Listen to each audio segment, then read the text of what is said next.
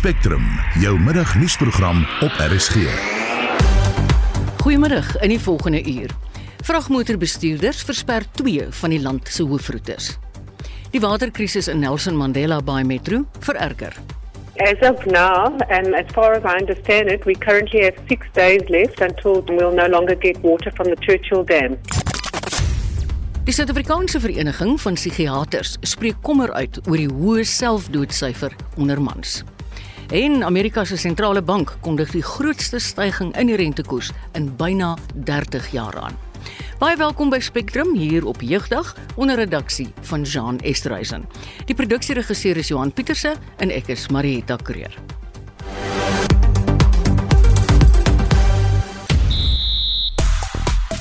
Sanzar keer terug na 'n mini-toerstelsel vir die rugby kampioenskap. Die Amerikaanse golf oop skop binne die volgende 20 minute af met 5 Suid-Afrikaners wat die titel soek en maak hom uit vir die res van die toer van Indië, maar Quentin de Kock dalk fiks genoeg om môre na spel terug te keer. 'n Volledige bulletin volg net na 12:30. En die Uitsmarke Youth Day 2022 in June 16 is al vanoggend af die gewildste onderwerp op Twitter.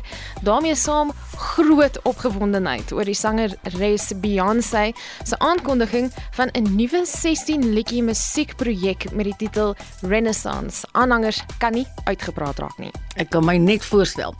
Nou soos ons vroeër gehoor het, dit is jeugdag vandag en dit laat 'n mens weer kopkrap oor benamings soos boomers, generasie X en millennials. Partykeer is daar 'n bietjie wrywing tussen hierdie verskillende generasies wat die lewensuitkyk betref. Waar is jy op hierdie spektrum? En wat dink jy nou van mense wat uit 'n ander era kom? Ons wil graag hoor wat sê die RSG luisteraars. Stuur gerus vir ons 'n SMS na 45889. Dit kos R50. Dan kan jy ook op ons Facebookblad saamgesels of ons 'n stemnota stuur na ons WhatsApp nommer 076 536 6961. Op 'n vakansiedag hoop ek regtig nie dis vir jou baie belangrik hoe laat dit is maar vir die ouens wat dalk ook werk, dis 7 minute oor 12. Twee hoofroetes op die land se paaie word die afgelope paar dae deur vragmotorbestuurders in twee afsonderlike stakings versper. Die N12 tussen Bloemhof en Wolmaranstad in Noordwes word sedert Dinsdag deur stakende vragmotorbestuurders met hulle vragmotors afgesper. En die N3 tolkonsessie by Van Renspas is in beide rigtings toe sedert gister, soos ons net by Marlenae ook gehoor het. Estie de Klerk het meer besonderhede. Die stakende vragmotorbestuurders op die N12 in Noordwes versper sowat 20 km van die pad tussen Bloemhof en Wolmaranstad wat onder normale omstandighede redelik besig is. Vragmotorbestuurders staak weens plaaslike maatskappye se aanstelling van buitelanders as vragmotorbestuurders en hulle sê hulle sal voortgaan met die staking totdat die minister van vervoer, Fikile Mbalula, hulle kom toespreek. Hier is wat van die bestuurders sê. What we want is the foreign nationals to go back to their native countries and leave us in peace in South Africa. Because truck driving is not a scarce skill in South Africa. We have plenty of drivers that can do the job. If you check with the labor court, they said it's only the foreign people that must come in South Africa to work in South Africa, only if we don't have that experience in South Africa, but only in a certain period of time. Six months is enough, which means the government is failing us as South African truck drivers. Die vragmotorbestuurder se woordvoerder, Sifiso Nyanti, sê hulle betoe aan verskeie owerhede val op dowe ore. In South Africa, there's 80% foreign national dominating a trucking industry. Well, these people are not met. But the drivers now are fed up because the employers today, even like yesterday, today, and tomorrow, still they employ foreigners. When you come, you are South African. Doesn't matter how many experience you have, what uh, DGP or PDP you have. They put it there, your CV. Die N3 tolroete by Van Renspas word sedert gister deur vragmotorbestuurders versper en is vir verkeer gesluit. Vragmotors is in beide rigtings van die pad vir etlike kilometers agter mekaar parkeer. Die N3 tolkonsessie se bedryfsbestuurder, Tanya Dugra, sê hulle het geen amptelike kommunikasie ontvang oor hoekom die staking plaasvind nie. Road users are advised to please delay travel to the area. Tigela Plaza has been closed to all northbound traffic. Johannesburg bound traffic is being directed off the N3 at the Colenso Freer interchange. Congestion and delays are likely, and road users are reminded to please remain patient and share the road responsibly. Law enforcement is on scene, closely monitoring the situation. Dit was die N3 tolkonsessie se bedryfsbestuurder Tanya Dugra. Ek is Estie de Klerk vir SAK nuus. Vir reisigers wat dalk die naweek wil weggaan, RC gaan deur die loop van die middag julle almal op hoogte hou van wat aangaan op daai twee roetes. Die bestuurshoof van die Sakekamer in die Nelson Mandela Bay Metro, Denise van Huisteen, sê nog 'n dam kan binne die volgende paar dae opdroog. Water kan reeds nie meer uit die Impofu dam gepomp word nie. As of now, and as far as I understand it, we currently have six days left until we'll no longer get water from the Churchill Dam. is, is at a critical point now. As organized business, we are working with Gift of the Givers to do everything possible in the next six days to prepare for that. Die Nelson Mandela Bay Sakekamer sê dit kan nie verklaar word waar 40% van die metro se verlore water heen is nie en 29% word aan waterlekkasies toegeskryf. We have been working closely with the business sector where many businesses have implemented alternative water solutions and they've also radically reduced their consumption levels. And also when you look at the no water map, in the large part, most of the industrial areas are protected in that they should continue to have water, but there is no doubt this is going to have severe impact across uh, various sectors of the economy and in particular for the smaller businesses as well. One of the areas that we're very concerned about is that 40% of the water is unaccounted and lost. 29% of that happens through leaks and the other 11% is through unauthorized consumption and theft of water, water meter tampering and so on. Van Huisteen sê die privaat sektor staan die metro by omdat die waterkwessie almal gaan raak. So now we've got a water crisis, which is very serious from a humanitarian perspective.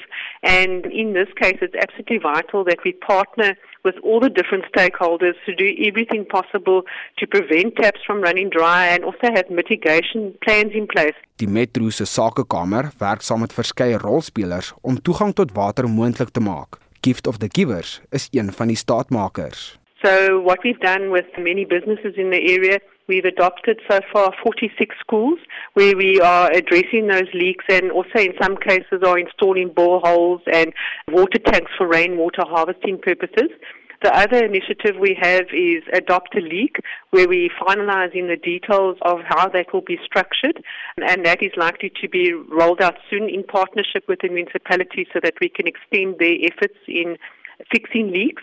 And then the third area is the humanitarian efforts, where it's all hands on deck, and there we're working with the gift of the givers and whatever resources we have as a business community, we channel it to, to work in partnership with Gift of the Givers. That was Denise van Huisteen, die bestuurshoof van die Nelson Mandela Bay Metro se sakekamer. Vincent Mufokeng, SAK nuus. Die sentrale bank in Amerika het sy grootste rentekoersstyging in byna 30 jaar aangekondig in 'n poging om stygende verbruikerspryse onder bedwang te hou. Dis reeds die derde rentekoersaanpassing vanjaar in Amerika en is gedoen nadat inflasie skielik die hoogte ingeskiet het. Ons praat nou hier oor die ekonom van CH Economics, Chris Harmse. Goeiemôre Chris. Goeiemôre Marita. Hoe erg het die inflasie gestyg daar? Rente baie sterk. Ons weet April verlede jaar was FSA se inflasiekoers nog hier by 0.5%. April hierdie jaar uh, 8.3. Mm -mm. Uh en dit het in Mei verder bo verwagting gestyg tot 8.6% en dit op sigself is die uh hoogste inflasie vlak vanaf Desember 1981. Ja. So baie sterk stygings. Nou waarom skielik nou so 'n groot stygings in die rentekoers? Ehm um, maar het uiteindelik dit het eintlik al begin nog voor die Oekraïne ehm um, Russiese konflik. Ehm um, voordat uh, oliepryse baie sterk begin styg het as gevolg van die van hierdie van hierdie konflik. En die twee groot redes. Die een is dat oliepryse op sigself het sterk begin styg van verlede jaar April maand af. Ek dink dit was toe die ekonomie weer oopgemaak is na die COVID uh na die COVID pandemie uh en uh, ekonomiese groei tot genoeg 'n normale vlakke terug teruggekeer het was daar 'n groot tekort in sekere kommoditeite en olie was een van hulle ons het alreeds gesien dat die olieprys het in daai tyd van April uh, verlede jaar begin sterk styg en hier by uh Oktober net voor die konflik begin het uh het dit ehm um, uh sprake van die konflik begin alreeds hier op by die 90 dollar rondgetrek uh, met ander woorde meer as verdubbeling. Uh dit was die een ding en dan die ander ding was dood eenvoudig te veel geld het het in Amerika te min goedere gejaag, die sogenaamde vraaginflasie. Want uh ek dink die fout wat daar was is dat die uh Amerikaanse federale uh, uh, reserve het hierdie rentekoerse hopeloos te laag gehou. In die eerste plek en in die tweede plek het hulle verskriklik baie geld in die ekonomie ingepomp deur dood eenvoudig geld te druk. Hulle het gaan ehm um, van die bates opkoop in die in die mark en geld in ruil daarvoor gegee vir die banke om uit te leen. En ons weet natuurlik die geweldige kwantitatiewe uh, verruimingsprojekte van die Amerikaanse staat waar hulle letterlik op 'n stadium op 'n op 'n stadium vir elke Amerikaanse burger 'n cheque gegee het om geld te spandeer. Nou uh enige enige ekonom sal weet dis die teelaarde vir 'n inflasie wat gaan kom en ek dink hy het vinniger gekom en sterker as wat almal verwag het. Christen, wat beteken dit vir die res van die wêreld en veral Suid-Afrika? Ek dink drie goed wat belangrik is. In die eerste plek, uh dit is 'n sogenaamde proses van stagflasie. Met ander woorde, die inflasie is besig om sterk te styg. Daarteenoor is die ekonomie van die wêreld en veral van die FSA besig om te verlangsaam en kan dalk in 'n resessie inbeweeg. Dis ons eerste probleem. Die tweede probleem is as die FSA ekonomie in 'n resessie gaan en hy's nie ver daarvan af nie want hy het reeds die eerste kwartaal met minus 1.5% gegroei. Uh dan beteken dit die wêreldekonomie gaan 'n herhaling hê van 2009. Dit was een van die ergste resessies gehad het in die vorige eeu. Uh uh oor wel oor 100 jaar. D dit is dit dis die tweede effek. Die derde effek uh, wat dit natuurlik gaan hê, dit gaan absolute verwringing wees van pryse in die in die wêreld veral natuurlik op aandelepryse en ander um ander pryse in die ekonomie waarop mense se pensioenfonde ensovoorts gebaseer is. En dan natuurlik ook heel laaste, dit kan nog 'n groter effek op ander lande se in, inflasie hê uh, as ons hierdie proses van stagflasie laat vorentoe gaan en ons sien dat die verhoogde rentekoerse ook sal lei tot verhoogde rentekoerse in die ander lande wat natuurlik inflasionisties is. Baie dankie Chris, jy bereid is om op die vakansiedag met ons te praat. Dit dan die ekonom van CH Economics, Chris Harmse. 17 minute oor 12. Ons het vroeër gesê vandag is jeugdag, maar die vraag is of die jong mense vertroue het in die Suid-Afrikaanse demokrasie. Vir 'n sielkundige perspektief praat ons nou hieroor met Sumari Nel. Sy is 'n voorligtingsielkundige verbonde aan die Noordwes Universiteit. Goeiemôre Sumari. Goeiemôre Marieta en luisteraars. In die eerste plek mense gooi terme rond soos baby boomers, generasie X en millennials en nog 'n klomp. Verduidelik tog vir ons wat beteken al hierdie terme? Ja, so hierdie terme en um, ons hoor dit gereeld waar ons gaan op die op die TV en elk oral. So dit is eintlik daar's 'n navorsingsentrum wat baie sterk fokus in Amerika oor oor hierdie um, onderwerpe. En dit is waar basies ons die navorsers probeer meet wat is die houding, die gedrag en kernstruikelblokke oor verskillende demografiese groepe. So hulle kyk na wat is die verskille en wat ooreenstem by individue En die doel hiervan is om vir ons 'n beter begrip te probeer gee van hoe eksterne faktore en veranderinge, soos byvoorbeeld as ons kyk na waar tegnologie heen gevorder het, 'n impak het op die lewensiklus en ook mense se siening van die wêreld beïnvloed. So dan kan ons beter verstaan ook hoekom sekere generasies so kan verskil van mekaar as mens dink ons jeug van vandag en hulle grootouers. Mm. Dis baie waar. Jy werk nou elke dag van jou lewe met jong mense. Wat is die probleme en die frustrasies wat hulle beleef?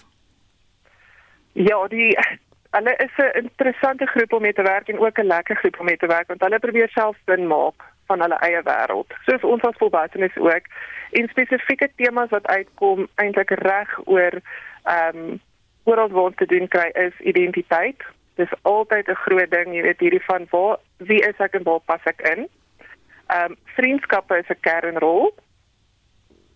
En dan ook ehm um, ons sien angstigheid, uh eh, weens hierdie waar pas ek in, hoe pas ek in? En ons ook hierdie moontlike konflik wat hulle ervaar want ek probeer self verstaan wie is ek? Waar pas ek in? Hoe sien ek myself? Hoe dink ek oor myself? En dan ook verstaan ander my. Dink jy wat die tendense wat ons beleef en sien in Suid-Afrika stem in 'n groot mate oor die een wat elders in die wêreld gebeur? Ek dink dit is spesifiek net oor die onderwerp van hierdie ehm um, waar die huidige jeug hulle bevind. Daar is mens kan dit in 'n mate veralgemeen. Ek dink dis wat hulle doen met hierdie terme van die baby boomers, maar ons moet altyd na individue kyk en 'n sterk onsiening. Jy weet, ons kyk na hulle holistiese en waar pas hulle in in hulle wêreld op hierdie stadium. Sommige sê jou sê dat die uh, die jeug van vandag, die dis waarmee jy elke dag werk, stel net gewoon nie belang in politiek nie of is dit 'n kwessie dat hulle nie hou van die politieke proses nie?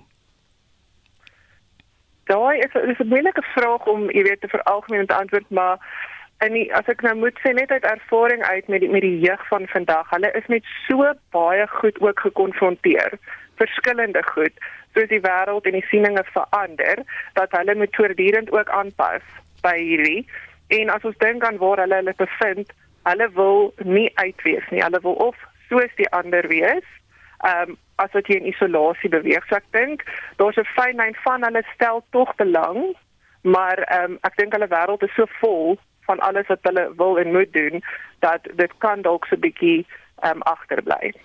As ons kyk na die sielkunde daarvan, watter rol dink jy speel werkloosheid op die gemoed van jong mense? dit speel 'n geweldige moed want op hulle gemoed want as ons dink hulle dink moet dink aan die toekoms hulle moet dink vorentoe so hulle is in hierdie klaar in hierdie stryd van jy het gesê van identiteit wie is ek en waar pas ek in en dan kom die vrese in van goed soos die werkloosheid so 'n realiteit is wat so hoog is. Dis hoekom ons ek dink by baie jong mense ook kan sien dat die die selfmoordsyfer gaan al hoër. Ehm daar's probleme met meer angstigheid, meer gemoedstoestande um, en dan ja, dan kan mens verstaan ook dat hulle leef amper in in angs en vrees vir wat kan wees. Ek wonder baie keer as ek kyk hoe permanent besig hulle is met tegnologie. Of daar genoeg balans is, dinge wat hulle in die natuur kan doen, sportbedrywighede, kulturele bedrywighede of is dit heeltemal opgeslurp deur tegnologie? Ja, dit dit wissel maar. Ehm um, van jy weet ook in die omgewing waar jy jouself bevind, daar's weer die ander kant wat voel jy weet by die skole is hulle so verskriklik besig ehm um, met die programme van sport en dan sit akademie en huiswerk en daai goed en aan die ander kant is dit hulle wêreld. Sosiale netwerk en tegnologie is die wêreld waarin meeste van ons generasie ehm um, ons jong mense nou in groot word. Dit is wat hulle ken, dit is so hulle met ander in interaksie kom. So um, ek dink die balans is 'n groot uitdaging en ek dink die ouers ervaar daai uitdaging baie baie sterk, maar dit is iets wat mens tog wel goed kan bestuur. Wel dis goed om te hoor. Dit was Sumarinel, sy's 'n voorligtingsielkundige verbonde aan die Noordwes Universiteit. Kreersdorp se openbare veiligheidseenheid word daarvan beskuldig dat lede vroeër die week hawelose mense aangerand het en verskeie belangrike besittings gekonfiskeer het. Byvoorbeeld van die items is nou wat bewering gesê word, hulle ID-dokumente, komberse, kos en selfs medikasie vir kanker. Van die haweloses, ons het gister ook oor hulle berig, het hulle ervaring met Marlenae gedeel. Ek was op pad huis toe met 'n trolly met skrappe want ek verkoop skrap in my male en my koppo watertou vir kos in die aande. Toe die een van public safety ouens my agtertoe geruk en my baadjie my rondgeruk. Toe klap hy my deur my gesig en die ander het my foon gegryp. Ek het gelê onder ons kajuitjie wat ons gebou het. Toe kom hulle om so met movies se lot mense wat ons bepak het. En dit my betrap, my knie, dit het hom amper gebreek letterlik. Wat het hulle gevat? Komberse, klere, hulle het ons kos op die vloer uitgegooi. Letterlik, hulle het ons het 'n geveg gehad om ons komberse te kan behou. My alles is weg en dit gaan hoepies vir mal ek moet uh, medikasie gaan koop aangesien ek nie meer ID het nie. En ek kan nie by die kliniek gaan nie, al die ID nodig. Wat is jou pille vir jou so belangrik? En ek het kanker in my longe, ek het emfyseem. Hy sê prompt vir jou in jou gesig, jy's nie mens nie. Wat is ek dan? Moet ek blaf? Moet ek teen die boom klim? Moet ek so kat maak? Ek weet nie. Ek is 10 keer meer gekwalifiseer as enige van daai mense. Nie die polisie het geen ons se probleme nie. Dit is net public safety. Dis asof hulle 'n uh, vendetta het teen huislose mense. Marlene het gister Kreersdorp toe gery en sy spesifiek met hierdie mense gaan gesels om te sien wat is hulle lewensomstandighede. Die uitvoerende burgemeester van die Mogale City munisipaliteit, Tyrone Gray, het intussen op ons navraag gereageer. Nathan Marlenae gesê die kwessie word ondersoek deur die bur burgemeesterskomiteelede van openbare veiligheid en maatskaplike ontwikkeling. It's concerning that allegations are leveled and they are currently being investigated should public safety have acted in a manner that doesn't uphold the Batupile principles, such as respecting people's rights. Hy sê openbare veiligheid ontken aantuigings van aanranding. Dit en die afvat van verskeie noodsaaklike items word intussen ondersoek. The only items that were destroyed, and they weren't destroyed on site, we never destroy anything on site. We take it to stores, and then the Department of Integrated Environmental Management analyzes them. And where the blankets, for instance, it wasn't new blankets, where blankets are sodden with urination or fecal matter or lice and mite, those are destroyed because we want to ensure public health is secured in terms of preventing any human or animal disease outbreaks. So let's talk about the blankets. It's really cold. When old sodden blankets are taken away, are they replaced? So, what we do say is that should the homeless find themselves in a situation where they need assistance, remember there's a difference between a homeless person legitimately needing assistance and someone that has been cast out because of their substance abuse tendencies. We do have programs. We also work closely with some privately owned NGOs as well as the Department of Social Development. We have a site in Michalisburg where we will assist with a rehabilitation program as well as house the homeless and give free meals as well as hygienic areas. Hy sê dit word gedoen sodat inwoners nie in omgewings woon wat skadelike gewoontes bevorder nie. Die munisipaliteit sê openbare veiligheid voer elke 3 weke sogenaamde veiligheidsoperasies uit. We received multiple complaints from residents, community associations, as well as businesses in the area that given the economic climate we face currently, we need to support our local businesses to ensure that we decrease the unemployment level, assist in terms of the joblessness that we are facing. And many of these businesses are saying that they are unable to trade because of instances such as openly using drugs in front of minors, in front of the shops, defecating in public, even instances of public fornication. Hy erken egter dat werkloosheid en haweloosheid weens die huidige ekonomiese klimaat deur die dak skiet. Hiermee saam is daar ook heelwat behoeftiges wat uit ander provinsies kom omdat hulle weet daar is hulp in Krugersdorp.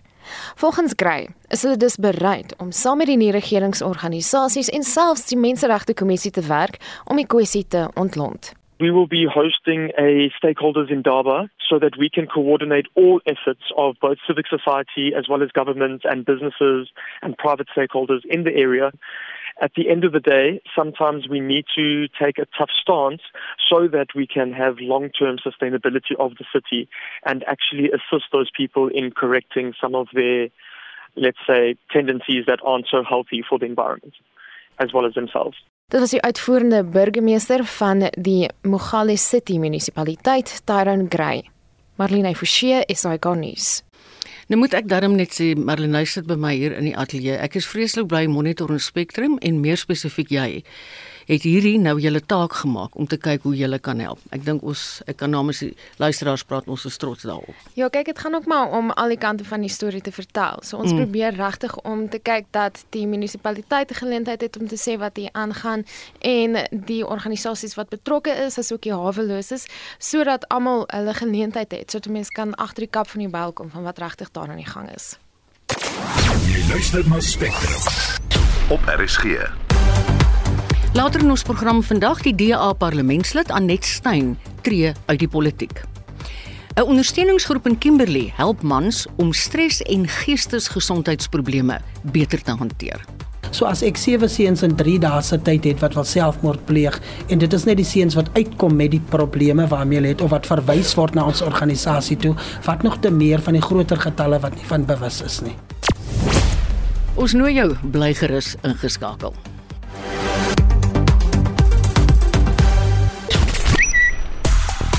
En wat sosiale media betref, jeugdag oorheers die gesprekke op Twitter. Gonswoorde daar sluit in Youth Day 2022, June 16, Hector Peterson en Sarafina. Nog 'n onderwerp waaroor daar veral gepraat word is Beyoncé se aankondiging op Twitter wat eenvoudig lees Act 1 Renaissance. So aanhangers verwag nuwe musiek op die 29ste Julie. Hulle kan nie wag nie. Dit sluit ons redakteur vandag John Esterhuizen in wat nou al die hele dag saam tweet. En nog 'n hitsmerk wat vinnig valt wen op die politieke front, Ramaphosa go. Oudo Karelse het nou vir ons 'n samevatting van die jongste sportnuus.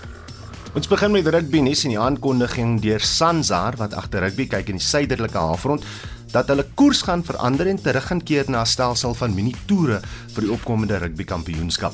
Nieu-Seeland, Australië, Argentinië en Suid-Afrika sal tot en met 2025 twee toetse in die buiteland speel en dan twee toetse op tuisbodem speel voordat die laaste ronde van wedstryde kragmetings insluit wat sal vereis dat spanne oor 'n kort periode weg en dan op tuisbodem speel. Vir Suid-Afrika beteken dit dat die Wêreldbeker kampioene sal afskop met 'n wedstryd in Nelspruit dis op die 6de Augustus en dan speel hulle weer op die 13de Augustus in Johannesburg. Albei wedstryde sal teen die verdedigende kampioene in die toernooi Nieu-Seeland wees. Terug in Suid-Afrika die Stormers die versekering gegee dat daar wel nog kaartjies beskikbaar is vir die Verenigde Rugby Kampioenskap finaal teen die Bulle die naweek. Gister het ontstoke ondersteuners uitgevaar op sosiale media met hul sukkelry om deur Ticketpro kaartjies in die hande te kry weens 'n tegniese probleem op op webwerf. Die probleem word blykbaar uit die weg geruim, maar laat ons gerus weet of dit voortduur of nie. Ons het vanoggend reeds in Monitor berig dat Leolin Zas weens 'n besering sal moet uitsit. Hy is reeds deur Sergil Petersen in die spelersgroep vervang. Die Amerikaanse Golf Ope skop binne die volgende 20 minute af met vyf Suid-Afrikaners wat soog om die titel uit verdedigende kampioen John Rahm se hande te hou. Brandon Grace sal eers op die Brookline baan te sien wees in Massachusetts. Grace het verlede week derde geëindig in die opspraakwekkende LIV wegbreek toernooi Hy slaan 24 minute na 2 af met Italianer Guido Migliozzi en Kanadese speler Mackenzie Hughes. Ook in die veld van 156 spelers is Charles Swartsel, Erik van Rooyen, Matthys de Foo en Shaun Norris. In cricket is daar goeie en slegte nuus. Aiden Makram wat COVID-19 in Indië opgedoen het, sal vir die oorblywende 2 T20 internasionale wedstryde teen die gasheer onbeskikbaar wees. Makram maak nou gereed om terug te keer na Suid-Afrika. Die goeie nuus is dat Quentin de Kock blykbaar herstel het van 'n seer gewrig en is moontlik vir môre se voorlaaste wedstryd beskikbaar in Rajkot. Hy sal 'n fiksheidstoets ondergaan voor die wedstryd môre wat die reeks in die weegskaal sit. Suid-Afrika kort nog net een oorwinning en loop tans 2-1 voor met twee wedstryde wat oorbly. Udo Karelse van ons sportredaksie. Die DA se skademinister van Landbou, Bosbou en Visserye, Anet Stein, het aangekondig dat sy op die 30ste Junie uit die politiek gaan tree. Dis nie om politieke redes nie. En sy gaan blykbaar nie heeltemal verdwyn nie. Ons praat nou met Anet. Hallo Anet. Hallo Mariet. Ons het oor die jare so baie met jou gepraat. Hoekom het jy besluit om uit te tree?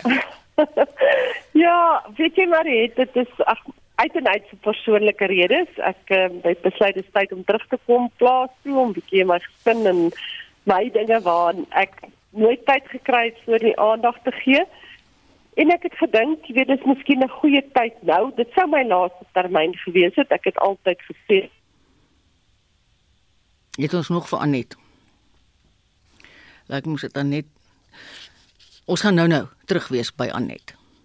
Naweek Aktueel, jou naweek nuusprogram op RSG. Weet jy, ten opsigte van plaasaanvalle uh, het die minister dit 'n paar jaar terug uh, wel bekend gestel, maar ons sien dit glad nie meer nie, net plaasmoorde wat in die kwartaallikse misdaadstatistieke vrygestel word. En dan nog 'n uh, baie belangrike aspek wat ons regtig mis en wat onvolledig is, is dat daar wel net gesê word dat veediefstal toeneem en afneem. Naweek Aktueel, Saterdag tussen 12 en 1. Anet, sê tog weer vir ons, jy het altyd gesê jy gaan na jou laaste termyn teruggaan na die plaas toe, maar jy het besluit om dit nou al te doen. Daar rond het ek jou verloor. Ja, skiet. Dit is ehm um, Ja, so dit sou my laaste termyn gewees het, maar ons gaan nou in 'n tydperk in waar ek dink almal weet die politiek gaan nou net op die voorgrond teer met die ANC se kongres en die politieke tyd op na 2024 toe. En ek het gedink dit is 'n goeie tyd om iemand anders wat weet sou aangaan na 2024 nou al 'n geleentheid te gee om te begin uh in oploop van die verkiesing in 2024. Wat sê jou kollegas in die DA? Ja, almal is maar baie hartseer en ehm um, skok maar almal is ook dankbaar en bly vir die werk wat ek gedoen het en ehm um, baie vriende gemaak. Seker 'n paar vyande ook, maar almal verstaan dat ek uh, alle verstaan dit weet dit is ver waar ons in die middel van die Karoo bly om altyd by jou werk uit te kom en die dinge te doen. So ek dink mense verstaan dat jy baie tyd en aandag jy weet gee aan jou werk en nie altyd so baie tyd vir jouself en jou gesin het nie. So mense verstaan dit. Wat hou die onmiddellike toekoms nou vir jou in Anet?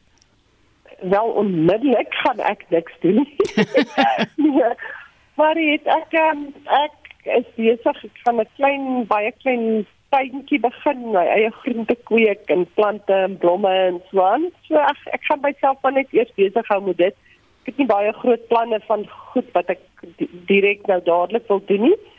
Ehm um, en ek glo altyd weet planne werk uit soos dit moet. So miskien mm. later jare gaan ek weer beter besig raak met hier op Venterstad met plaaslike sake waarmee ek al die jare weer besig was voor ek in die politiek beland het. Het jy enige politieke hoogtepunt uit jou loopbaan wat jy met ons kan deel?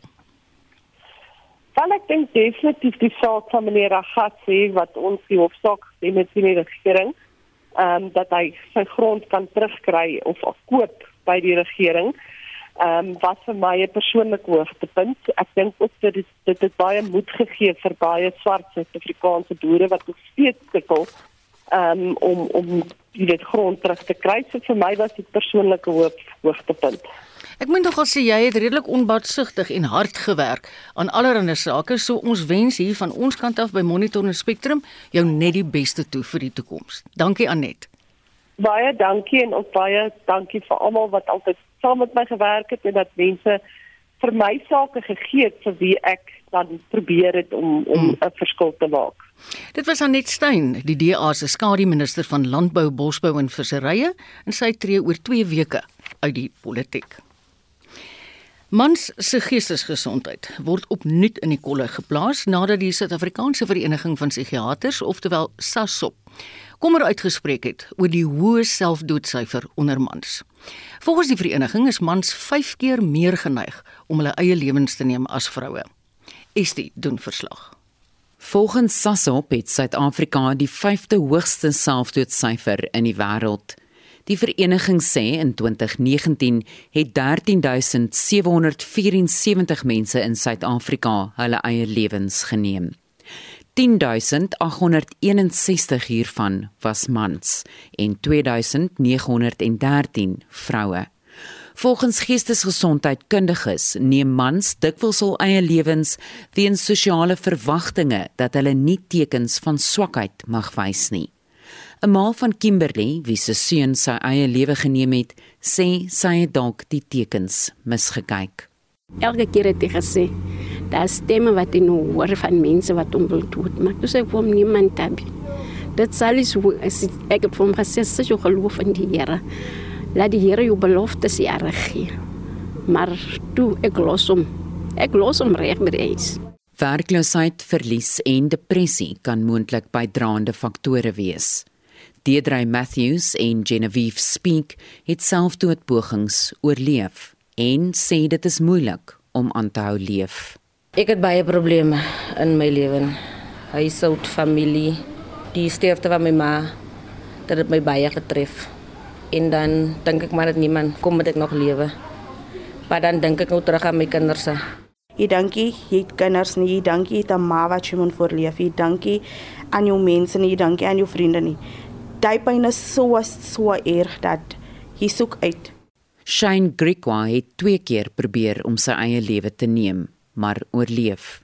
Hy lei nou 'n ondersteuningsgroep om ander te help. In die afgelope tyd het ek met omtrent 7 jong seuns gepraat oor die selfmoordneigings waardeur hulle gaan en vir hulle probeer berading gee deur WhatsApp en Messenger om met hulle issues te hanteer. So as ek 7 seuns in 3 dae se tyd het wat wil selfmoord pleeg en dit is net die seuns wat uitkom met die probleme waarmee hulle het of wat verwys word na ons organisasie toe, wat nog te meer van die groter getalle wat nie van bewus is nie. Kundige sê sommige mans probeer verskeie kere onsuksesvol om hulle eie lewens te neem voor die finale keer. Die psigiater Dr Keith Kerimi brei uit hierop. Men attempt and complete suicides 3 to 4 times more frequently than females in the same vein that females tend to make more attempts unsuccessful attempts at suicide compared to males in other words in our casualty environments in our OPD environments, the number of females attempting uh, perhaps you know three times more than the number of males who attempt. Dit was die psigiater Dr Keith Karimi.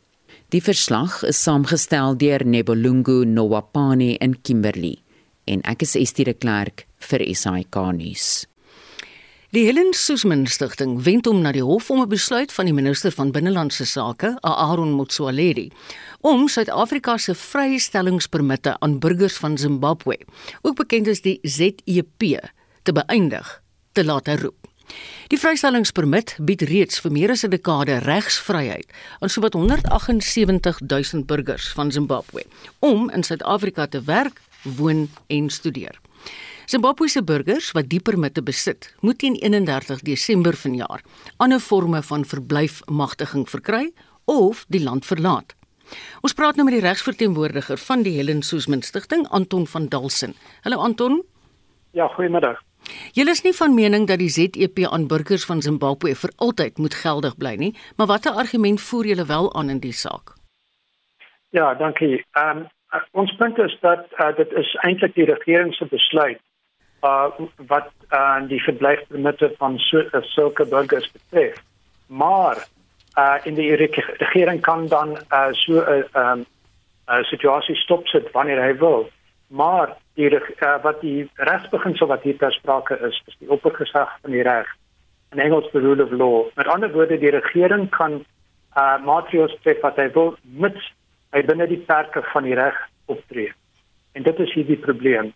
En as ek net een of twee voorbeelde kan gee in hierdie spesifieke geval. Asseblief. Uh in terme van bestaande wetgewing as uh, daar administratiewe optrede optrede uh geneem word deur die regering wat individuele regte aantas, dan moet dit vooruitgegaan word. Jy voldoende kennisgewing en 'n behoorlike geleentheid om vertoë te rig. En dit is hier nie gedoen nie. En dan verder is daar iras totaal irrasionele aspekte. Die minister het gesê hy het nie genoeg personeel om uh, 'n uh, nuwe permitte te behartig nie. Uh, maar dan verwys hy dieselfde mense na dieselfde departement om ander visums te, te kry. So dit maak absoluut geen sin nie. Mm, mm. En dan verder die situasie in Zimbabwe het ook nie wesentlik verbeter oor die afgelope dekade nie. Uh as mens net kyk na die berigte van die IMF en die Wêreldbank oor die ekonomie en Amnesty International oor die menseregte situasie, waar daar wyd verspreide intimidasie en arrestasie plaasvind.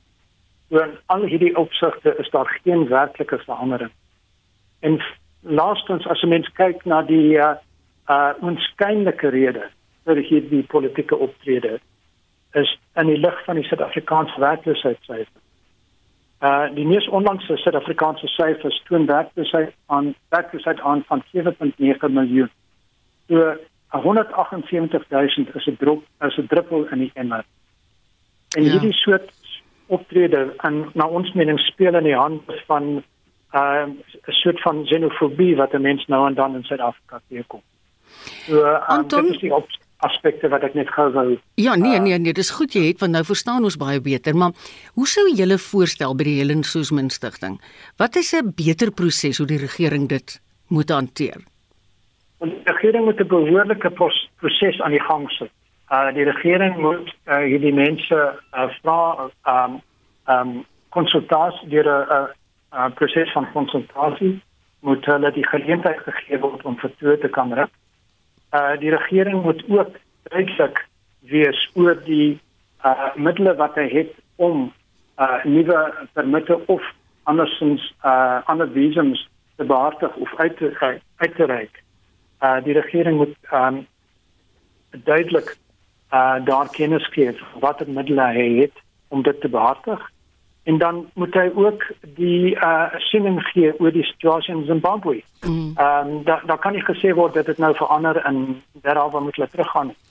Uh want die die oorspronklike besluite is geneem in 'n baie slegte ehm um, menseregte en uh ekonomiese situasie daar. Dit het nie verander nie. Ehm um, en so die die regering moet 'n rasionele wat ons in in die regsberoep noem 'n rasionele proses aan die gang sit. Dit moet 'n behoorlike proses wees wat 'n behoorlike besluit aan die einde van die dag kan kan regverdig. Ja, en ek hoor ook tussen jou sinne deur wat jy wil sê, dit moet deursigtig wees. Almal moet kan weet wat aangaan. Presies. Baie dankie Anton en ons hoop dit gaan goed met julle werk. Die regsverteenwoordiger van die Helen Suzman Stichting het dit nou gegaan oor die ZEP, die vrystellingspermitte vir burgers van Zimbabwe. En die regsgeleerde is Anton van Dalsing. Dis nou as ek nou mooi kyk 12 minute voor 1. Die skolewet reguleer al die bedrywighede wat in Suid-Afrikaanse skole plaasvind. En dis hoekom dit belangrik is om kommentaar te lewer oor die wysiging daarvan. Die burgerregte organisasie Equal Education is een van die wat kommentaar gelewer het op die eerste wysigings sedert 2011. Marlene het meer besonderhede. Equal Education se senior bestuurder van navorsing en ontwikkeling Renay McFarlane sê dis 'n groot oomblik wat opvoedkundige beleid betref. Dit kom al omtrent 5 jaar, so dit sê ook vir jou dat hierdie geleentheid kom nie elke dag verby nie. So wanneer die geleentheid daar is, moet mense seker maak dat die wysigings wat aan die wet gemaak word, goeie wysigings is. Een van die elemente wat hulle bekommer, is die instel van sanksies teen ouers 'n ouer wat nie hulle kind skool toe stuur tydens hulle verpligte skooljare nie of 'n ouer wat vals dokumente ingee as deel van 'n toelatingsproses. Ons is bekommerd dat kriminele sanksies nie die regte manier is om daai probleem te hanteer nie en dat dit negatiewe gevolge vir kinders kan hê as hulle ouers vir tot 'n jaar tronk toe gestuur word. Nog 'n bekommernis is die toelating van die verkoop van alkohol by skoolfunksies. Die wet sê wel dat dit net by aktiwiteite kan wees wat na skool plaasvind, maar ons dink selfs dit is onaanvaarbaar veral omdat dit voorsiening maak dat alkohol verkoop kan word by aktiwiteite waar leerdlinge ook teenwoordig is.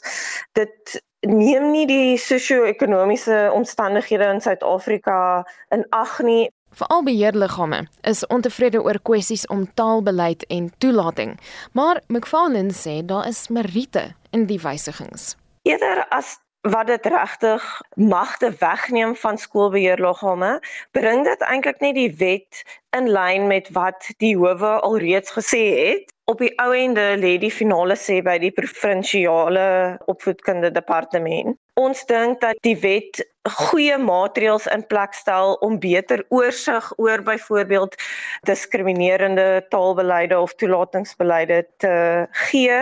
Die organisasie erken tog dat beheerliggame se prominente rol behoue moet bly. Dit is wat die wet doen want op die ou ende stel die skool nog steeds die taalbeleid saam. Dit moet net goedgekeur word deur die provinsiale departement. So dit is aan die een kant werklik belangrik dat 'n gemeenskap moet 'n sê hê in hoe die skool bestuur word. Maar natuurlik is dit ook 'n openbare skool en daarom is dit ook belangrik dat die staat kan seker maak dat hulle fondse regverdig gespandeer word. Dit was Equal Education se senior bestuurder van navorsing en ontwikkeling Renay McFarlane. Volgens haar beoog die parlement om openbare byeenkomste te hou waar leerdlinge van die publiek insa kan lewer. Marlene Forsie is hy konnies. En die Marlene het vandag gegooi. Die Suid-Afrikaanse vloot het die eerste van 3 multisending kuspatrollievaartuie by Salisbury Eiland in Durban in gebruik geneem. Dis die eerste keer sedert 1986 dat 'n vaartuig vir die Suid-Afrikaanse vloot in die land gebou word.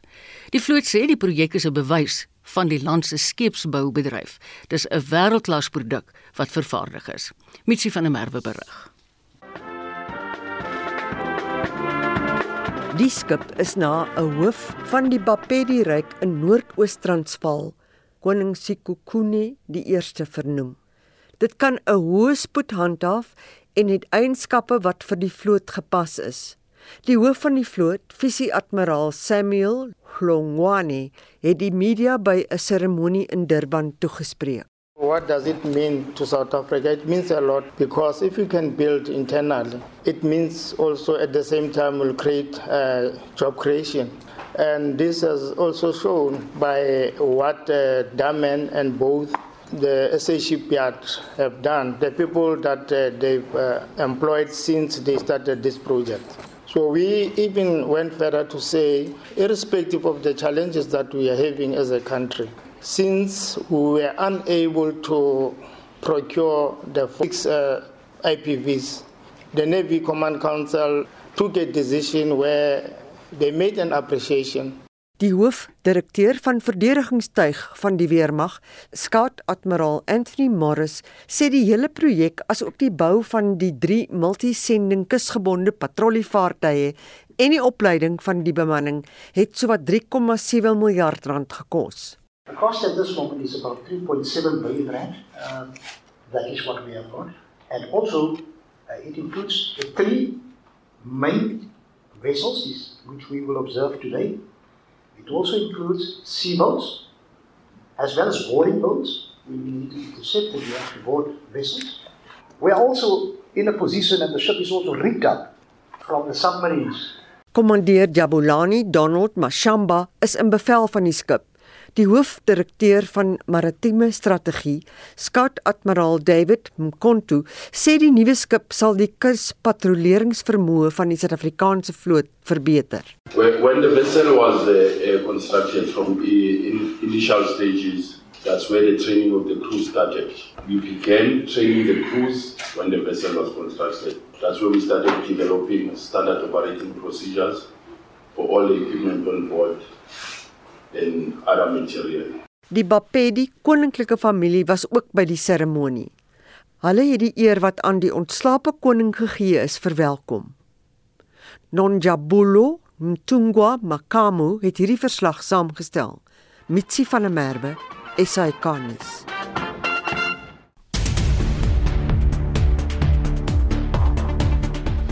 Estie het vir ons die nuus en die stories van die dag dopgehou en ons praat nou met haar. Hallo Estie. Hallo Marita, soos wat ons weet is dit vandag jeugdag en president Cyril Ramaphosa lewer die regering se jeugdag boodskap boodskap in Umtata in die Oos-Kaap en ons brandpuntspan bring om kwart voor 6 vanmiddag vir jou meer nuus hieroor. En in 2020 het Amnesty Internasionaal Suid-Afrika 'n verslag bekend gestel oor die kwaliteit onderrig wat kinders in die land ontvang. En dit het sekere uitdagings in die onderrigstelsel uitgewys en bevind swak onderrig lei tot verdere werkloosheid. Hier is die organisasie se Shanila Mohammed. The Department of Basic Education has been repeatedly moving the deadline when it comes to eradicating pit toilets, and in doing so, is continuing to fail learners. These illegal pit toilets are not only violating the right to sanitation, which is enshrined in the Constitution, but also the right to health, education, dignity, and privacy. South Africa's education system is unfortunately still plagued by the legacy of apartheid, with children in poorer communities and previously disadvantaged backgrounds still bearing the brunt of the government's failure to ensure that everyone has access to decent education.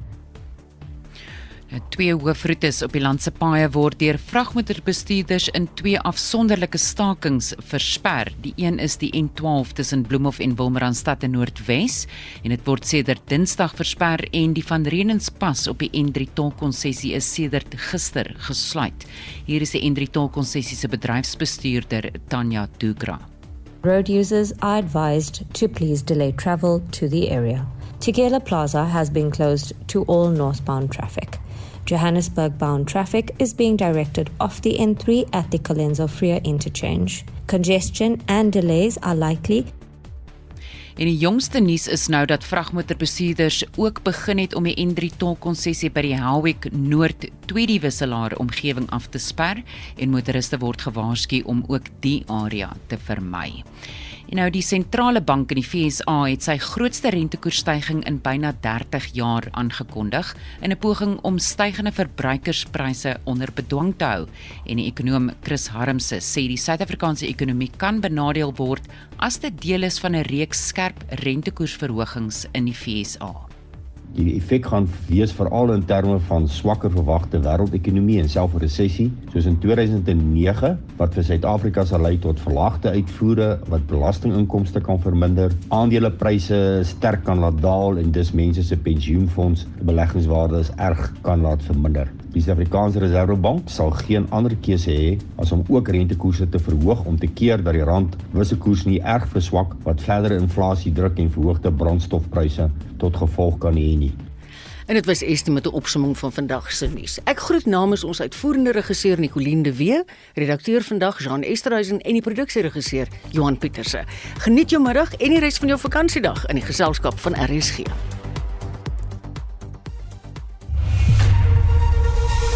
SAK nuus. Onafhanklik, onpartydig.